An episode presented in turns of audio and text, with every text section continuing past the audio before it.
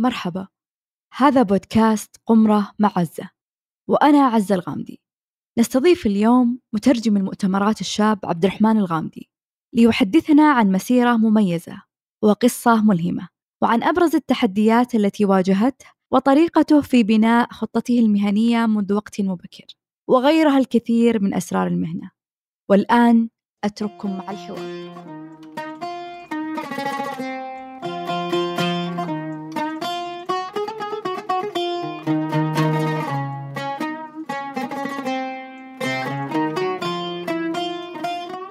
عبد الرحمن الغامدي. اسم يتردد في مجال الترجمة الشفوية منذ قرابة خمس سنوات. وقصة نجاح مهنية شهدت عليها بنفسي منذ بداياتها. يعني ما في دورة تخص الترجمة الشفوية أو وسيلة لتطويرها إلا وتكون أول حاضرين ما شاء الله. وعملت مع كثير من العملاء وأصريت على إكمال دراساتك العليا في مجال الترجمة. كل هذه الأشياء تحكي سر وقصة فريدة أنا متأكدة. فبودنا نسمعها في قمرة مع عزة ما سر هذا الشغف وكيف كانت البداية؟ السلام عليكم. أول شيء أشكركم على استضافتي. وأنا من أشد المعجبين بصراحة بالبودكاست وحريص دائما أني أسمع كل الحلقات.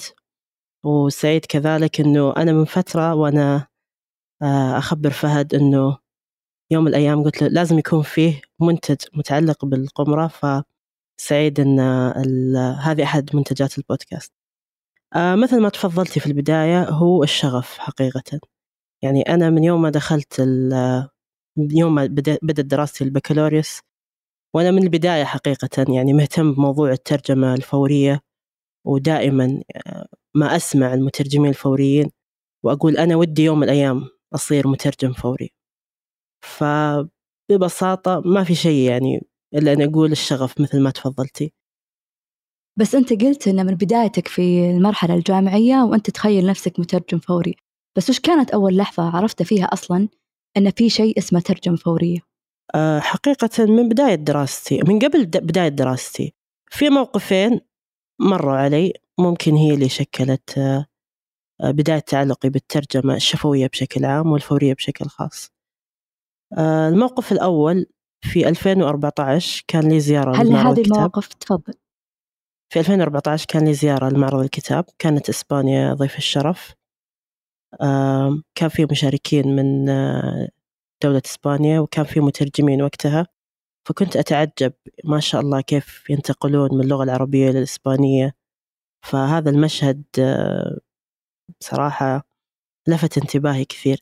غيرها في الأخبار قنوات مثل العربية الإخبارية آه، أو حتى الجزيرة. لما أسمع المترجم وأقول ما شاء الله كيف أنه عنده القدرة أنه يتكلم ويفهم يسمع بلغة ويتكلم بلغة ثانية. فأنا كنت دائما أشوف أن قمة إتقان اللغة سواء العربية أو الإنجليزية هي بالترجمة الفورية وأعلى مراحل إتقان اللغة آه، الترجمة الفورية. فأنا أقول يعني عشان أكون متقن للغتين سواء العربية والإنجليزية لازم أوصل هذا المستوى. فهو كان أشبه بالتحدي. عظيم. طيب آه يمكن من خلال كلامك أقدر أقول أن يعني في ناس يدخلون الترجمة أصلا أو الترجمة الشفوية من واقع حبهم للغة. لكن من تجربتك استشفيت شيء أنه من واقع حبك للعلم بشكل أدق. يعني ما شاء الله 2014 يمكن هذا كنت يمكن تقريبا في المرحلة الثانوية. ف يعني شخص بهذا العمر مهتم بمعرض الكتاب وبالقراءة والعلوم والمعارف. حتى يعني أتذكر أنا قرأت لك تغريدة في إكس آه ذكرت فيها إنك كنت تحضر أصلا محاضرات آه في جامعة غير جامعتك ومع أساتذة غير أساتذتك بينما في كثير طلاب أصلا ما يصدقون إنهم يخلصون المحاضرة. فأعتقد يعني من وجهة نظري صححني إذا أنا يعني غلطانة إن يعني تجربتك كانت مختلفة لأن الدافع فيها والبداية فيها كانت حب العلم وليست حب اللغات بحد ذاتها. آه ممكن نعم في صحة في كلامك لكن خليني أقول إنه فعلا هو بدافع حب اللغات بشكل عام. آه أنا الحمد لله من من قبل ما أدخل الجامعة وأنا عندي حب للغة الإنجليزية تقريبا مادة اللغة الإنجليزية كانت أفضل مادة عندي وكنت دائما أنتظرها دائما آه، بلهفة و وشغف حقيقة. وقررت أني أدرس اللغة الإنجليزية في الجامعة من قبل يعني ما ما دخلت صدفة التخصص. لا أنا كنت مخطط آه وهذا بدافع حب للغة. وفي حاجة ذكرتيها الفضول اللي هي أنا أشوف أنها سمة في المترجم بشكل عام والمترجم الشفوي أو الفوري بشكل خاص. أنه الفضول وحب العلم والمعرفة. فهذه سمات تميز ويمكن زي ما ذكرتي أنه آه مو فقط في الشخص اللي يحب العلم ولكن حتى في المترجم كذلك. جميل جدا. وأنا أيضا أعلم يعني معلومة عنك أنك آه، في تحدي ثاني آه، واجهته أثناء دراستك أو في حياتك بشكل عام. يعني في من التعامل مع النصوص مثلا البصرية قراءة الكتب فهذه تجربة حقيقة ودي أسمع عنها وأعرف عن هذا التحدي وكيف تعاملت معه وكيف قدرت توصل يعني من تحدي في البداية إلى مرحلة يعني أقدر أسميها بدون أي يعني مجاملة إلى مرحلة امتياز يعني ما شاء الله تبارك الله في المجال اللي أنت اخترته. صحيح. أنا طبعا للي ما يعرف أنا عندي ضعف نظر آه، بسبب مرض وراثي في الشبكية اسمه كون ديستروفي طبعا المرض اللي يبحث عنه بالعربي ما راح يلقى له مسمى ولكن اجتهادا مني أتوقع أنه ضمور الخلايا المخروطية والحلقية في الشبكية. باختصار المرض هذا آه، يعني كيف ممكن اللي يسألني عن الأعراض اللي فيه؟ آه، باختصار ثلاثة أشياء حساسية للضوء آه، جودة صورة أقل وكذلك الألوان ما أقول إني عام ألوان لكن ما أفرق أحيانا بين بعض الألوان. حقيقة يعني اللي سهل علي إني أنا مصاب فيه من الولادة فتعودت عليه تقريبا وتأقلمت. وأنا أستخدم وسائل التكنولوجيا المساعدة أو assistive تكنولوجي اللي خلتني آه، أتكيف وأتعايش يعني مع الوضع الحمد لله. من خلال استخدام المكبرات ووسائل نسميها طبعا إمكانية الوصول الأكسسبيلتي مثل آه، تغيير حجم الخط أو تغيير هي يعني برمجيات تساعدني إني أشكل النص بطريقة أخلي السطور مثلا متباعدة أخليها آه، أخلي حجم الخط بشكل مختلف. والحمد لله يعني الوسائل هذه أعانتني من في في دراستي سواء في المرحلة الثانوية الجامعية أو حتى الماجستير وسهلت علي الأشياء كثيرة. الآن الحمد لله في طبعا وعي أكثر بموضوع إمكانية الوصول وهي زي ما نقول يونيفرسال uh, ثيم uh, في أشياء كثير. فالآن الحمد لله الأمور أصبحت أسهل ومعقولة. جميل. طيب يعني أقدر أقول يمكن هذا الشيء كان قرار ذكي منك آه، أن كل إنسان بالحياة عنده نقاط قوة معينة وفي يعني توجهات كثيرة سواء مهنية أو أكاديمية آه، وحتى في الحياة الاجتماعية يقولون ركز على نقاط قوتك آه، بدل ما تضيع وقت كثير إنك تعالج نقاط ضعف عندك. فأعتقد أن هذا الشيء كان قرار ذكي منك قبل أي شيء. وعلى سبيل يعني أو الأشياء يعني تذكر بأشباهها يعني أعرف عدة زميلات آه، عندهم اللتغة في حرف الراء بمعنى أنهم ما ينطقون حرف الراء أصلا أو ينطق مثل الغين. فإيش قرروا؟ قرروا أنهم يدرسون اللغة الفرنسية آه وأبدعوا فيها. ف يعني هذه أحد الخيارات أو القرارات اللي أنا أشوفها ذكية أن الإنسان يعني آه، يركز على نقطة قوته وينميها. عشان كذا يعني هذه أحد أسباب إنه يوصل فيها لمرحلة إنه ما يكون شخص افريج أو عادي لا فوق فوق المتوسط. فوش رأيك بوجهة النظر هذه؟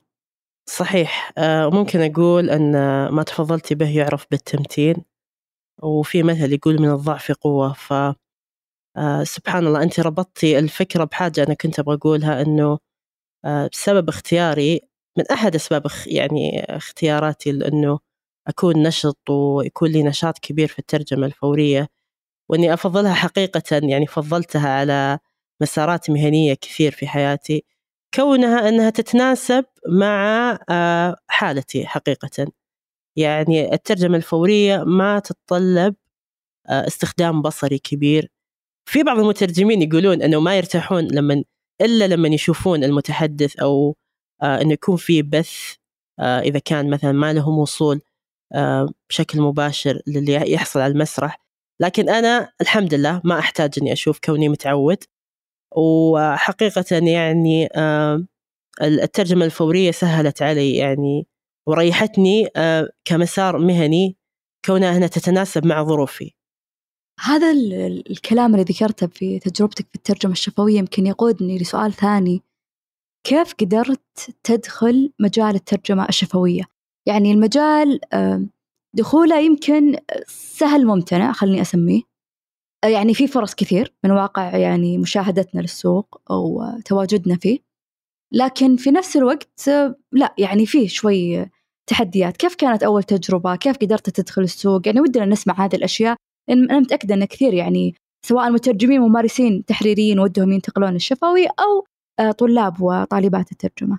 طيب آه، ممكن ألخص تجربتي في ثلاثة آه، نقاط. وأنا العكس يعني الناس بالعادة تبدأ زي ما تفضلتي تحريري وتتدرج وتنتقل للشفوي. أنا العكس بديت بالشفوي على طول ما بديت بالتحريري. ممكن التحريري أكثر شيء مارست فيه في الجامعة.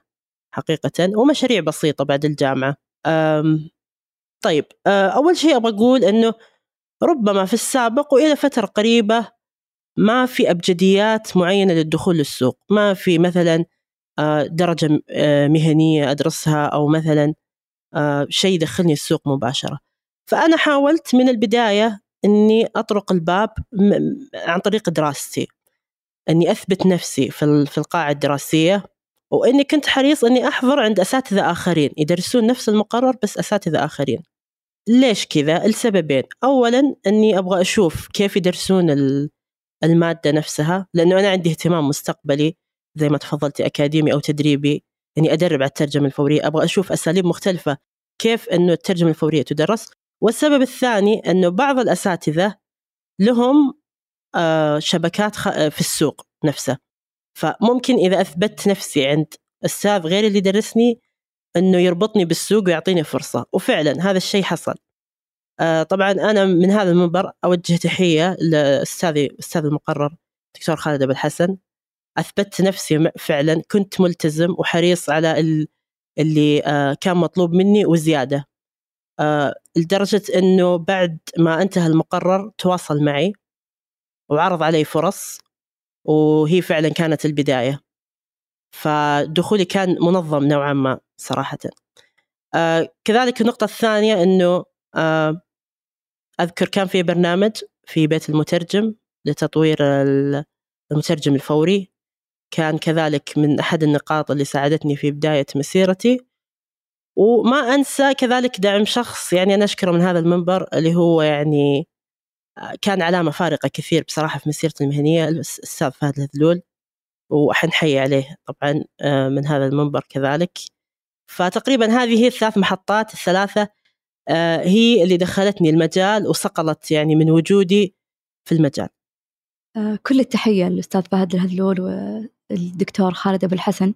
فعلا يعني شخصيات ملهمة في مجال الترجمة. هذا البرنامج برعاية متجر المترجم. متجر المترجم كل ما يحتاجه المترجم وزود. من خلال متجر المترجم تستطيع الحصول على دورات تدريبية أو ورش عمل افتراضية تساعدك على تحسين مهاراتك في الترجمة أو حتى بدء العمل في مجال الترجمة. مو بس كذا. الآن حتى مقتنيات المترجم متاحة. مقتنيات تحسسك بانتمائك لهذه المنظومة الرائعة مثل التيشيرتات وغيرها. وهذا بعد خليني أسألك سؤال عبد الرحمن يعني آه يمكن آه أنا من الأشخاص اللي مؤمنين أن الناجحين لابد لهم آه خاصة في بداية مسيرتهم المهنية من وجود مرشد. ويمكن ثقافة المرشد مو بكثيرة يعني شائعة عندنا وهذه أحد المجالات اللي شخصيا مؤمنة فيها وأدرس فيها حاليا وأقدم فيها يعني بعض الاستشارات. لأني مؤمنة بهذا الشيء. يعني أنا بنفسي يعني عايشته وفعليا كل ما شفت أحد ناجح وأسأله من خلال الأسئلة أقدر أستكشف إنه والله يعني في في كذا في شخص كان وجوده آه، جدا يعني آه، مساعد وعظيم. هذا لا يعني إني والله لا أنا شخصية مش مهتمة هذول الأشخاص قاعدين يدفوني لا. لكن يعني إن أنا ضروري أحتاج هذا هذه النوعية من الأشخاص. آه، فتقريبا حتى في أشياء يعني فاجأتني شوي. آه، قبل يعني يمكن توصل لسنة التخرج في كذا طريقة مرتبة ومدروسة. يعني أنا راح أدرس لغات بعدين أنا راح أدرس آه، ترجمة فورية عشانها تناسب حالتي. بعدين أنا راح أدخل آه، محاضرات ناس ثانيين عشان أقدر أثبت نفسي عشان التسويق. هذه كلها أفكار ومفاهيم يمكن ما مش شائعة كثير بين الناس اللي في عمرك يعني أثناء الجامعة اللي أتكلم عنه يعني مرحلة ما بين 15 سنة إلى 22 سنة. عادة الطلاب يكونون كذا منغمسين في الدراسة الروتينية وناسين هذه الأشياء اللي هي أقدر أقول عنها مستقبلية. فكيف وصلت لهذا النوع أو هذه المرحلة من الوعي آه، في وقت مبكر؟ يعني هل كان مثلا أحد أفراد العائلة هو السبب؟ هل والله كان عندك مستشارين أصلا ومرشد مهني أو أكاديمي قبل يعني السنة الأخيرة؟ هل كنت يعني القراءة نفسها؟ ودنا نسمع عن هذا الشيء. طيب آه، أول شيء هو توفيق من الله بصراحة وإلهام في المقام الأول. آه، أنا الشخص يمكن الوحيد في عائلتي آه، من قريب ومن بعيد اللي درس هذا المجال. ما في أي أحد يقرب لي درس هذا المجال أبدا. وكنت مهتم فيه حقيقة. يمكن لأنه الخيارات كانت أمامي خليني أقول قليلة بصراحة لأنه في زي ما ذكرت أنا في المرحلة المتوسطة والثانوية كان لي حب شديد للغة الإنجليزية وهذا الشيء خلاني إني أقرر إني أدرسها وإني أتبعها كمسار مهني مستقبلا. ف وكذلك يعني ربما يعني إنه الخيارات كانت محدودة عندي في البداية وممكن لاني تميزت في اللغة حقيقه. وهي مسألة وعي فأنا من يوم ما بديت أدرس إنه زي ما ذكرت أنا كنت حريص من البداية من السنة الأولى في الجامعة وأنا يعني كنت حاول دائما أحاول أن أسأل أساتذتي كيف أصير مترجم فوري. أنا مهتم بهذا المجال. كانوا يضحكون يقولون بدري يا عبد الرحمن الآن ركز في المهارات وبعدين لاحقين خير. طيب بما أننا حاليا آه نتكلم أو جبنا كثير سيرة آه مسيرتك في الجامعة آه أحد العوائق لكثير من المترجمين آه لدخول سوق الترجمة الشفوية والفورية بالتحديد آه، هو الخوف والتردد وشعور إني أنا لست جيد كفاية أو أنا غير مستعد. يعني تصير لي مواقف كثير يعني أحاول أتواصل مع ناس لسه في بداياتهم. آه والله هذه الفرصة موجودة مو بأي فرصة لا فرصة تناسب شخص مبتدئ. يعني أنا آه يعني أقدر أعرف وأقدر أقيم هذه الفرصة أنها تناسب شخص خبرته يا إما صفر أو ست شهور يعني. لكن الرد الأغلب أن الناس تقول بفكر وبعدين يجيني رفض أنا ما أتفاجأ لأني تعودت على هذا النوع من الرفض. أه بس ودي توجه لهم كلمة. أه كل الأشخاص اللي فيه كذا علامات تثبت أنهم جيدين في الترجمة الشفوية سواء من تقييم أحد الأساتذة أو الزملاء أو حتى درجاتهم اللي حاصلين عليها أه أو مثلا مهاراتهم العالية في الاستماع والتحدث. ودي توجه لهم كلمة أن متى هم يكونون أو مفروض يكونون مستعدين أنهم يدخلون السوق. طيب أول شيء حاب أذكر أن توقعات التوقعات منك كطالب غير التوقعات منك كمترجم في الميدان. التوقعات مختلفة. وأنا توصلت الإدراك مؤخرا أنه آه، أي أحد في بدايته لو عرف التوقعات اللي مطلوبة منه في الواقع يعني لأنه آه، هي مربوطة بدرجات في المرحلة الدراسية وأنه آه، في معايير موضوعة مسبقا وفي شخص يقيم آه، ممكن هذا الشيء يخلي أنه عند اللي المترجم أو المترجمة لما يدخل الميدان يحسب أنه راح يحكم عليه بنفس التوقعات ونفس المطلوب منه يعني درجة معينة أنه هذا اللي راح يكون مطلوب منه في المستوى في الواقع. فنصيحتي نصيحتي أن التوقعات تختلف تختلف مرة. إيش يعني ترجمة فورية؟ وش الجودة اللي لازم أوصل لها؟ وش الأشياء اللي إذا سويتها يعتبر أني فعلا قدمت خليني أقول المستوى المطلوب مني. عشان كذا أنا دائما أي أحد آه يبغى يدخل المجال أحد الأساليب اللي أنصحه يتبعها يسمع المترجمين ويشوف المترجم كيف تصرف كيف تعامل مع الكلام. فالمفتاح يعني يكمن في معرفة التوقعات المطلوبة منك وكمان الخوف يعني عدم الخوف والثقة هو الخوف طبيعي طبيعي. خلينا ما نقول خوف خلينا نقول التردد رهبة الموقف طبيعية وممكن تكون طبيعية في البداية. لكن مع التجربة والتعود خلاص يصير الموضوع طبيعي يصير جدا عادي مع التعود. يعني الواحد يقول إنه هو يوم وراح يعدي يعني في النهاية. عجبني كثير لما تطرقت لموضوع التوقعات أو الاختلاف بين المجال الأكاديمي أو الترجمة الشفوية من ناحية أكاديمية ودراسية وسوق العمل. ويمكن لي تجربة شخصية يعني مشابهة. أنا بدأت الترجمة الشفوية أو أول تجربة حقيقية مع عميل حقيقي كانت لما كنت طالبة في مرحلة البكالوريوس. وصادفت أنها كانت قبل الاختبارات النهائية. فلما دخلت سوق العمل وشفت التجربة على الواقع انصدمت من شيء وأتذكر الكلمة اللي يعني على طول كنت أرددها وقتها آه، طلع الواقع أسهل من اللي أنا قاعدة أشوفه في الدراسة. وهذه كلمة كانت صعبة على البنات لما كنت أقول لهم إنهم يستوعبون شلون يعني الواقع. المفترض إنه عكس. فأذكر إني رحت الاختبار النهائي بعد هذه التجربة و يعني بالعادة أنا كان عندي يعني قلق في الاختبارات النهائية خاصة الشفوية آه، وبالتحديد الفورية.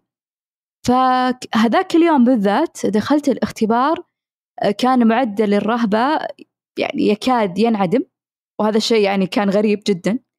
آه، وكانت نتيجتي في الاختبار وقتها آه، يعني درجة كاملة بدون أي نقص. يعني كانت وقتها كنت أنقص نص ربع درجة في المواد الشفوية. ف يعني كان ودي كذا أنقل هذه المعلومة لجميع الطلاب. ترى سوق العمل مختلف. ما راح أستخدم يعني أنا وقتها كنت أقول أسهل وأهون. الآن ما راح أستخدم كلمة أسهل أنا أحب أستخدم كلمة ثانية اللي هي أيسر وكلمة ثانية بعد إني أنا لما أكون أصلا يعني عايشة مع السياق أكثر آه عارفة المادة عارفة الناس آه أنا موجودة في المكان أصلا مجرد أجواء المكان يعني أنا متأكدة أنها يعني تحيي جانب معين من الذاكرة يبدأ يرتبط يعني بالكلمات والمصطلحات إلى آخره. آه فهذا كله خلاني أقول لا ترى سوق العمل مختلف يا جماعة. آه، أعطوا نفسكم فرصة خاصة إذا كان في آه، مؤشرات مثل ما ذكرت في البداية تدل على أنك شخص آه، يعني يجي منك وبالعكس عندك البوتنشل في الترجمة الشفوية. يمكن كثير تكلمنا عن البدايات والقصة وأيام الجامعة. يعني خلينا شوي الآن ننتقل للوسط وسط الحكاية. وبيكون هذا الجزء يعني يناسب أكثر أو يهم أكثر الناس الممارسة آه، في سوق عمل الترجمة. عرفت عن نفسك بثلاث كلمات مترجم مؤتمرات مستقل. وأكثر كلمة لفتتني كانت كلمة مستقل. آه، هل العمل المستقل في الترجمة الشفوية أو الفورية أجدى من العمل الروتيني أو الوظيفة؟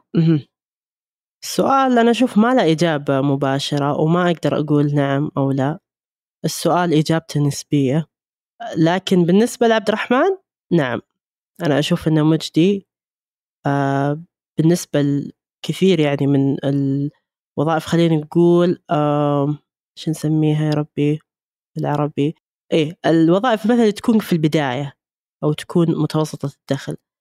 آه شخصيا أنا بالنسبة لي يعني أنا شفت أنه من خلال تجربتي خلينا نقول أربع خمس سنوات الترجمة الفورية وجدت أنها حقيقة يعني بالنسبة لي شخصيا مجدية ماديا من أكثر من بعض الوظائف حقيقة.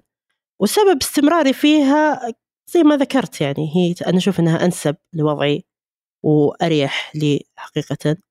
لكن لا أحد يأخذ كلامي هذا ويطبقه عليه. يعني كل شخص له ظروفه كل شخص آه له آه، يعني في ناس مثلا ما تقدر إنها تستمر على العمل الحر لفترات طويلة. في ناس مثلا عملها ما ما يسمح لها إنها تجمع بين الاثنين. آه، فحقيقة يعني أرجع وأقول الإجابة هي نسبية. آه، لكن المجال يستحق. المجال مجزي حقيقة في أحيان كثيرة ويستحق التجربة. يمكن فعلا هي تناسب وضعك يعني بشكل شخصي لكن كمان هذا النوع من العمل آه، وبالتحديد الترجمة الشفوية يعني بطريقة مستقلة وليست وظيفة. ممكن تناسب كمان الشخصيات اللي ما تحب الروتين أبدا. بمعنى أن شخص ما يحب أنه يروح في نفس المكان كل يوم أو في نفس السياق كل يوم. والله يمكن أنا أكون مترجم شفوي مثلا في المجال القانوني أو العسكري أو الطبي. هذا يعني أني كل يوم آه، راح أكون في نفس السياق وكل يوم راح أستخدم نفس المصطلحات. آه، يوم بعد يوم راح تكون فيها رتابة بالنسبة لشخصية تحب التغيير وتحب المغامرة خاصة للناس اللي أصلا يحبون الترجمة الشفوية لأن فيها عنصر المغامرة. هنا يمكن ما راح يكون ما ما تجتمع ما تجتمع إني أنا أكون مترجم شفوي آه، بوظيفة يعني دوام كامل ومترجم شفوي لا والله مرة هنا ومرة هنا. فهذه أحد الأسباب. السبب الثاني أنت أيضا عرجت عليه يمكن اللي هو موضوع اللي وظيفتك ما تسمح. آه، في ناس آه، فعلا تحب الروتين وبالعكس عندها أن يكون لها دخل شهري ثابت أفضل وكل شيء. لكن خلينا نقول إنها والله أصلا تشتغل بمجال ثاني يعني تشتغل في الإدارة. هي فعلا مترجم ودرس ترجمة ويمكن عنده حتى درجة علمية في الترجمة لكن فجأة لقى نفسه يعمل وناجح أيضا. في إدارة المشاريع أو في التسويق أو في مثلا مساعد قانوني لأن الحين كثير مترجمين صاروا مساعدين قانونيين. يمكن هذا الشيء مفاجئ للبعض كيف مساعد قانوني ما درست قانون أبحثوا عنها يعني هذا الشيء موجود. فكثير من الوظائف إني أنا ممكن أمارسها كمترجم أو بصفتي مترجم وفي نفس الوقت عندي أنا الرغبة أني أنا أكمل ترجمة شفوية أبغى أمارس مهنتي. فالعمل المستقل فعلا هو يعني هو الحل والشيء اللي ينقذ مثل هذه المواقف ويخلي الإنسان يجمع بين شيئين بالرغم من كثير من الأشخاص يعني يقولون إنه صعب وفي تحدي إنك تجمع بين شيئين. يعني بسيرة التحديات أنا متأكدة أن كل قصص النجاح الشخصية أو المهنية آه، فيها تحديات كبيرة ودائما في البودكاست وفي وسائل التواصل الاجتماعي وغيرها. آه، يعني نسمع قصة النجاح بالجانب المشرق فيها. والله أنا صرت مترجمة شفوية ولا أنا صرت مترجم فوري وناجح بس هل معقولة يعني أنتم واجهتوا تحديات؟ يعني هل دخول سوق العمل بالنسبة لشخص يعني في بداياته ومبتدئ و كان بهذه الدرجة يعني مثالي ولا هي صورة آه، يعني ترسمونها لنا؟ فهذه دائما الأشياء اللي نسمعها من الناس المبتدئين أو الطلاب وسماعهم القصص النجاح أحيانا تخوفهم تحسسهم أنهم هم وحيدين يعني. في هذه المشاعر أو وحيدين في هذه التحديات وأنا وأنت وهو وهي آه، كلهم دخلوا السوق وكانت يعني الأرض مفروشة بالورد. فودي تذكر لنا عبد الرحمن أبرز التحديات اللي واجهتك في دخول آه، سوق الترجمة الشفوية آه، ليس في دخول فقط ولكن أيضا في الاستمرارية في هذا السوق. أبرز تحدي ممكن أذكر أن كسب الثقة. كسب ثقة مقدمي الخدمة نفسهم. كيف أنهم يثقون فيني أنا كمترجم ويواصلون الثقة هذه وكيف أني أبني الثقة هذه وتكون ممتدة مو بس الطرف واحد عدة أطراف. يعني أنا في البداية ممكن بديت مع جهة واحدة إلى أن الحمد لله يعني بنيت لي قاعدة آه، من مقدمي هذه الخدمة يثقون فيني يتواصلون معي بشكل مستمر. ففي البداية حقيقة كسب الثقة كان هاجس كبير. كيف أني أصل إلى أكبر قاعدة ممكنة من آه، اللي ممكن يوفرون هذه الخدمة ويثقون فيني أنا كمترجم عشان أكون متواجد معهم بشكل مستمر. ال ال خليني أنزل لتحديات ثانية. أنا بديت يعني ممكن من أكبر حاجة. لكن خلينا نذكر شيء للي مثلا آه، جديدين على هذا المجال أو باقي يتدربون فيه اللي هو مسألة كسر الرهبة رهبة القمرة أو رهبة إن صوتي ينسمع يسمع كثير من المستمعين. في ناس كثير ما تحب تسمع صوتها. في ناس كثير زي ما تفضلتي ما يح... ما يفضلون إنه يكون التركيز والانظار أو خلينا نقول الأذان ما راح نقول الأنظار إلا كانت طبعا ترجمة تتابعية لكن في الفورية الأذان تكون آه تسمعهم. فأنا أشوف إنه في البداية آه أنا كان عندي بصراحة رهبة من إنه مجموعة تسمعني آه وتسمع كيف أتكلم. ممكن يحكمون علي بطريقة معينة آه كنت أحس يعني بعدم ارتياح حقيقة. لكن مع كثرة التجربة آه خلاص تقريبا الحمد لله آه صار في ثقة. كمان خليني أقول في البداية أنه أبحث عن شخص يقيم ترجماتي. كنت أبحث عن ناس تسمع ترجمتي تسمع تسمعها مو بإذن الشخص الخبير بإذن المستمع. المستمع اللي فعلا هو يحتاج الترجمة لأنه هو المستفيد النهائي وإذا ما عجبت الترجمة فكذا أو ما ناسبت معه فأنا كذا ما حققت الهدف المرجو من الترجمة. لأنه خبير الترجمة راح يجاوبني مثلا ممكن يسمع للغتين وكذا وتمام لكن المستمع اللي يسمع الترجمة هو المستفيد النهائي وهو اللي بيفيدني أكثر. هذه تقريبا كانت أبرز التحديات. عظيم. يمكن آه، أغلب التحديات اللي ذكرتها تتمحور حول الثقة. أن أثق بنفسي وأن أثق باللحظة أو المرحلة وأن أك أو أجعل العميل آه، يثق فيني. وبما أننا لازلنا نتحدث عن التحديات أحد أبرز التحديات في الترجمة الشفوية آه، خاصة في العمل المستقل كما ذكرنا في السؤال السابق أن المترجم لا يستطيع أن يتخصص فيترجم يعني في مجال واحد آه، لأنه يمكن يعني هذا الشيء سيغلق عليه بعض الأبواب. فبالتالي س يعني يتكيف مع الوضع أن تارة سيترجم في السياحة وتارة أخرى في القانون ومرات في الصحة إلى آخره. الأمر اللي يستلزم إتقان واستحضار العديد من المفردات والمصطلحات أو مثل ما إحنا عارفين إن اللغة بحر يعني سواء أنا أتكلم عن لغتي الأم أو لغتي الثانية أو حتى الثالثة للناس تتكلم لغة ثالثة. فما هي طريقتك في تطوير هذا الجانب؟ وهنا أعني جانب المصطلحات بشكل أدق وجانب المفردات بشكل عام. طيب خليني أقول الاطلاع بشكل عام. ما بقول القراءة لأن في ناس تتخوف من معنى لما أقول قراءة. يعتقدون مثلا أني أقرأ في كتب في مجال معين. في الحقيقة هو الاطلاع. الاطلاع له عدة صور وأشكال. ممكن يكون آه، بالاستماع ممكن يكون بالقراءة ممكن يكون بالمتابعة. في مصطلح يعني إيش يسمونه؟ آه، world affairs أو current world affairs. يعني الأمور اللي قاعدة تحصل الأيام هذه في شتى المجالات في شتى الموضوعات بشكل عام. فأنا أقول الاطلاع بكافة صوره سواء كان مرئي مسموع مقروء. هو آه، أهم شيء. أن تعرف شيئا عن كل شيء وكل شيء عن شيء باختصار. يمكن هذه أيضا أحد آه، مميزات أو المهارات المطلوبة من المترجم بشكل عام طبعا والشفوي بشكل أخص أنه يكون مثقف ودائما تتردد يعني كلمة مثقف آه، رغما عن أنفه لأن لولا هذا النوع من الثقافة يمكن ما ما راح يقدر يعني يعني ما راح يقدر إنه يؤدي بشكل جيد أو يصل إلى أدق المفردات. و آه، يعني أحد الأشياء اللي يمكن تذكرتها من كلامك آه، تو كنت أقول حتى خليني أبسط المصطلح السواليف مع الناس المتخصصين في تخصصات ثانية آه، فادتني بالرغم إني وقتها ما كنت أتخيل إنها مفيدة.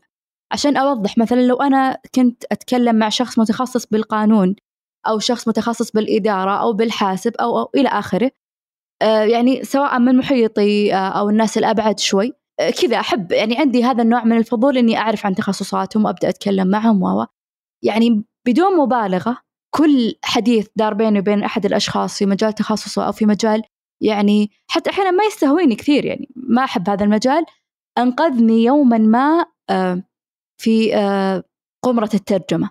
حتى يعني أبسط المواقف يعني أتذكر أني كنت أتكلم مع طالبات في الثانوي عن موضوع المسارات الثانوية وهالأشياء وهذا موضوع حقيقة ما يهمني كثير يعني أصلا. بس كان كذا نوع من الحديث الودي اللطيف آه، آه، مع الطالبات في هذه المرحلة العمرية. فأنقذني يوم في آه، قمرة الترجمة لما كانوا تكلموا بشكل موسع جدا وغير متوقع. طبعا ما كنت داوية متوقعة هذا الشيء عن المسارات. فترجمت ترجمة رائعة ودقيقة وكأني يعني عندي أحد في هذه المرحلة. فبس حبيت أشارك هذه النقطة أنه يمكن لما أنت ذكرت أن القراءة تخوف كثير من الناس لما أحد يقول لي اقرأ بيبدأ يحس أنه والله ممل القراءة. أتفق يعني في ناس فعلا ما يحبون القراءة. لكن طريقة الحصول على المعلومة أو طريقة أنك تكون شخص مثقف تراها مو بالشيء اللي أنتم تتخيلونه أو الشيء التقليدي الشائع. خلينا آه، طيب، نبسط يعني- ال- عفوا بس. خلينا نبسط المصطلح يعني أكثر. آه هي خلينا نقول إنها معرفة عامة أو اطلاع عام ولها وسائل كثير. يعني الآن في انتشر البودكاست الآن آه الأفلام البودكاست. يعني في أكثر من وسيلة للمعرفة والاطلاع غير الوسائل التقليدية اللي حنا عرفناها مثل الكتب والمقالات والموسوعات وإلى آخره. فعلا جميل. يعني بالتالي كل واحد اللي يناسبه اللي يحب يتكلم ياخذها من الكلام واللي يحب يسمع ياخذها من الاستماع واللي يحب يقرأ واللي يحب إلى آخره. يعني فهذه كلها يعني يمكن تقول إنه ما في المترجم الآن ما عاد صار عنده يعني حجة إن هذا الشيء صعب أو غير متاح أو ما عندي وقت. آه، يمكن آه، ودي نتكلم عن حالتين. يعني ودي نعطيهم زي ال- النصائح أو الإرشاد في كيف يدخلون سوق الترجمة الشفوية. الحالة الأولى آه، طالب خلاص يعني على أعتاب التخرج. ويحتاج نصيحة واحدة فقط أن عشان أنا أقدر أدخل هذا السوق وأستكشفه آه، مو بالضرورة أنه يعني على الأقل يعني لو اتخذت من هذا الدخول قرار أن الترجمة الشفوية لا تناسبني أبدا هذا يكفيني. آه، الشخص الثاني مترجم آه، صاحب خبرة لا تقل عن ثلاث سنوات في سوق الترجمة الشفوية لكن يشعر أنه فجأة في المنتصف. فأحتاج أيضا له نصيحة واحدة فقط نقدمها له في هذه الحلقة. طيب الأول هو هل هو باقي على مقاعد الدراسة ولا خلاص خلص؟ على أعتاب التخرج يعني خلينا نقول في فصل التخرج أو سنة التخرج. طيب أنا كان عندي نصيحة أبغى أقولها وهو نهج أنا اتبعته والحمد لله يعني آتى أكله معي اللي هو استغلال القاعدة الدراسية. أنا الحمد لله أحد أنا ذكرت أنه دخلت السوق بثلاثة طرق. أه وأحد هذه الطرق هي إثبات نفسك في القاعة ما تدري يعني أنا كثير تواصلوا معي أساتذة سابقين مو بس ترجمة فورية كذلك ترجمة تحريرية سواء كانت وظائف سواء كانت مشاريع. فإثبات نفسك في القاعة الدراسية هذا كفيل أنه يفتح لك فرص كون أن الشخص آه، شاف أن عندك بوتنشل شيء معين. ممكن أنه يرجع يتواصل معك مستقبلا والعلاقة ما تنتهي بانتهاء المقرر الدراسي. كذلك النصيحة كذلك. الآن في برامج آه، كثيرة الحمد لله. بدينا نشوفها تدريب تعاوني أو سواء برامج كثير تدريبية. ممكن أنها تراعي أنه الشخص اللي أنا اللي عندي راح يكون متدرب فيكون في له برنامج وتوجيه. آه هذه ممكن تفيد الطالب المتخرج.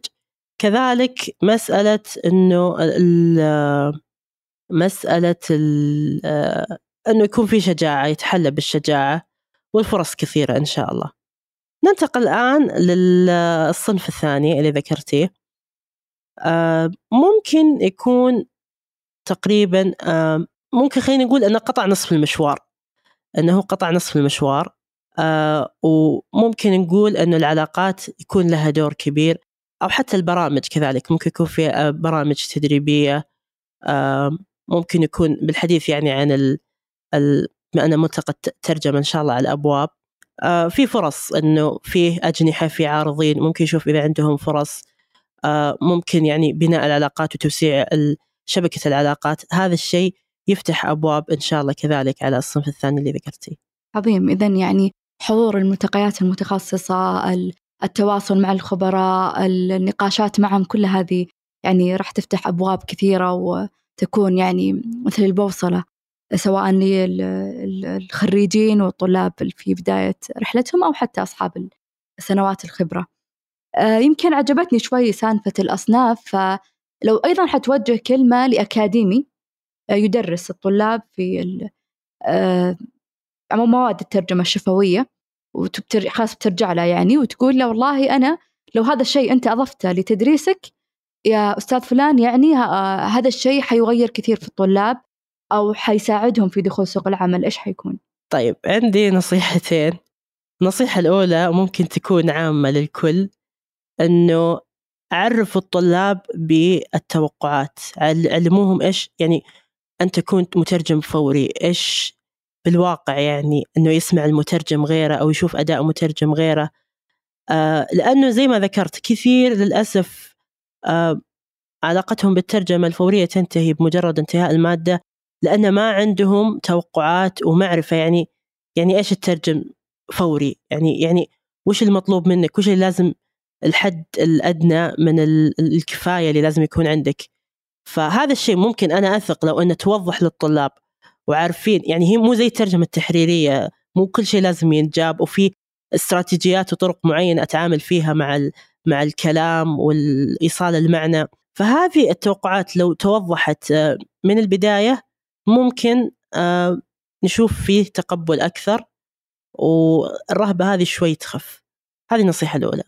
النصيحة الثانية إذا كنت ممارس إذا كنت ممارس حاول قدر وأنا إن شاء الله يعني بإذن الله إذا ربي يسر لي يعني وصرت أكاديمي بسويها وجالس شغال عليها حاول بقدر الإمكان أن يكون فيه ربط بين الواقع والقاعة. كيف يعني؟ أنه مثلا حاول تصور دقيقة دقيقتين من أدائك توري تعرضه على الطلاب. حاول أنك توريهم البيئة اللي يشتغل فيها المترجم كيف يشتغل المترجم كم يترجم. يعني كثير نسمع أنه عشرين دقيقة نص ساعة آه، هذا المتعارف عليه. لكن في الواقع أحيانا المترجم يضطر يترجم 45 دقيقة إلى ساعة. وهذا الشيء آه، صح أنه مفضل يترجم 20 إلى 30 لكن حنا سوقنا تختلف. زي ما تفضلتي موضوع التخصصية. حنا سوقنا تختلف. أنا لو أت... لو أتخصص بشيء معين ممكن ما أترجم إلا مرة مرتين بالسنة فيه. فالربط آه، بالواقع يعني من خلال أنه المترجم والأكاديمي في نفس الوقت آه، يوري الطلاب كيف هي بيئة العمل كيف هي كيف الأماكن وش التوقعات. وكذلك في طريقة تدريس آه، يمكن أنا لأني حضرت عند تقريبا أربعة إلى خمسة يدرسون المادة هذه. واحد منهم كان مترجم وممارس كان يسوي طريقة رهيبة اللي هي كان يسوي mock conference على أنه فعلا نحاكي أنه في مؤتمر ولا يستخدم الطريقة التقليدية اللي هي يفتح اليوتيوب ويختار مقطع حتى لو كان authentic والمؤتمر وكذا. لا يعني أنا حسيت إنه فيها فعلا فرق. لما يجي وياخذ speech من فعالية ويقرأها ونتقمص الدور ونلعب الدور هذا. وأنا أتمنى أتمنى يعني مستقبلا مثلا لو يكون في فعلا في الترم فعالية واحدة على الأقل تفاعلية إنه نجيب متحدثين ويكون في كلام وكأنها فعالية فعلا. وما نقتصر فقط على أن نشغل مقاطع في اليوتيوب. آه، حقيقة نصائح أو آه، رؤى جميلة جدا لكل يعني من المترجم المبتدئ أو المترجم الممارس أو حتى الأكاديمي. وأعتقد أنها يعني من أجمل الأشياء اللي ممكن نختم فيها حلقتنا لليوم. شكرا جزيلا عبد الرحمن على تواجدك. أقدر جدا وقتك وأقدر المعلومات الدقيقة واللي يعني كانت جدا فيها نوع من الشفافية وارتباطها بتجربتك الشخصية وأيضا أشوفها أنها يعني كل ما كانت التجربة حديثة وقريبة آه، كلما كانت يعني آه، أقرب يمكن آه، للأذهان. أكرر شكري وتقديري وأعرف أنك اليوم كان يعني يوم طويل بالنسبة لك في بوث الترجمة الفورية. لكن بالرغم من ذلك يعني أكرمتنا بهذا الوقت وبهذه المعلومات المثرية وأنا متأكدة أنها ستكون يعني حلقة آه، ملهمة للكثير من المترجمين والمترجمات. أشكرك جزيل الشكر ومن القمرة إلى قمرة مع عزة حقيقة. فأشكرك كانت آه، استضافة وحلقة مثرية. شكرا جزيلا الله يسعدك يا رب عبد الرحمن.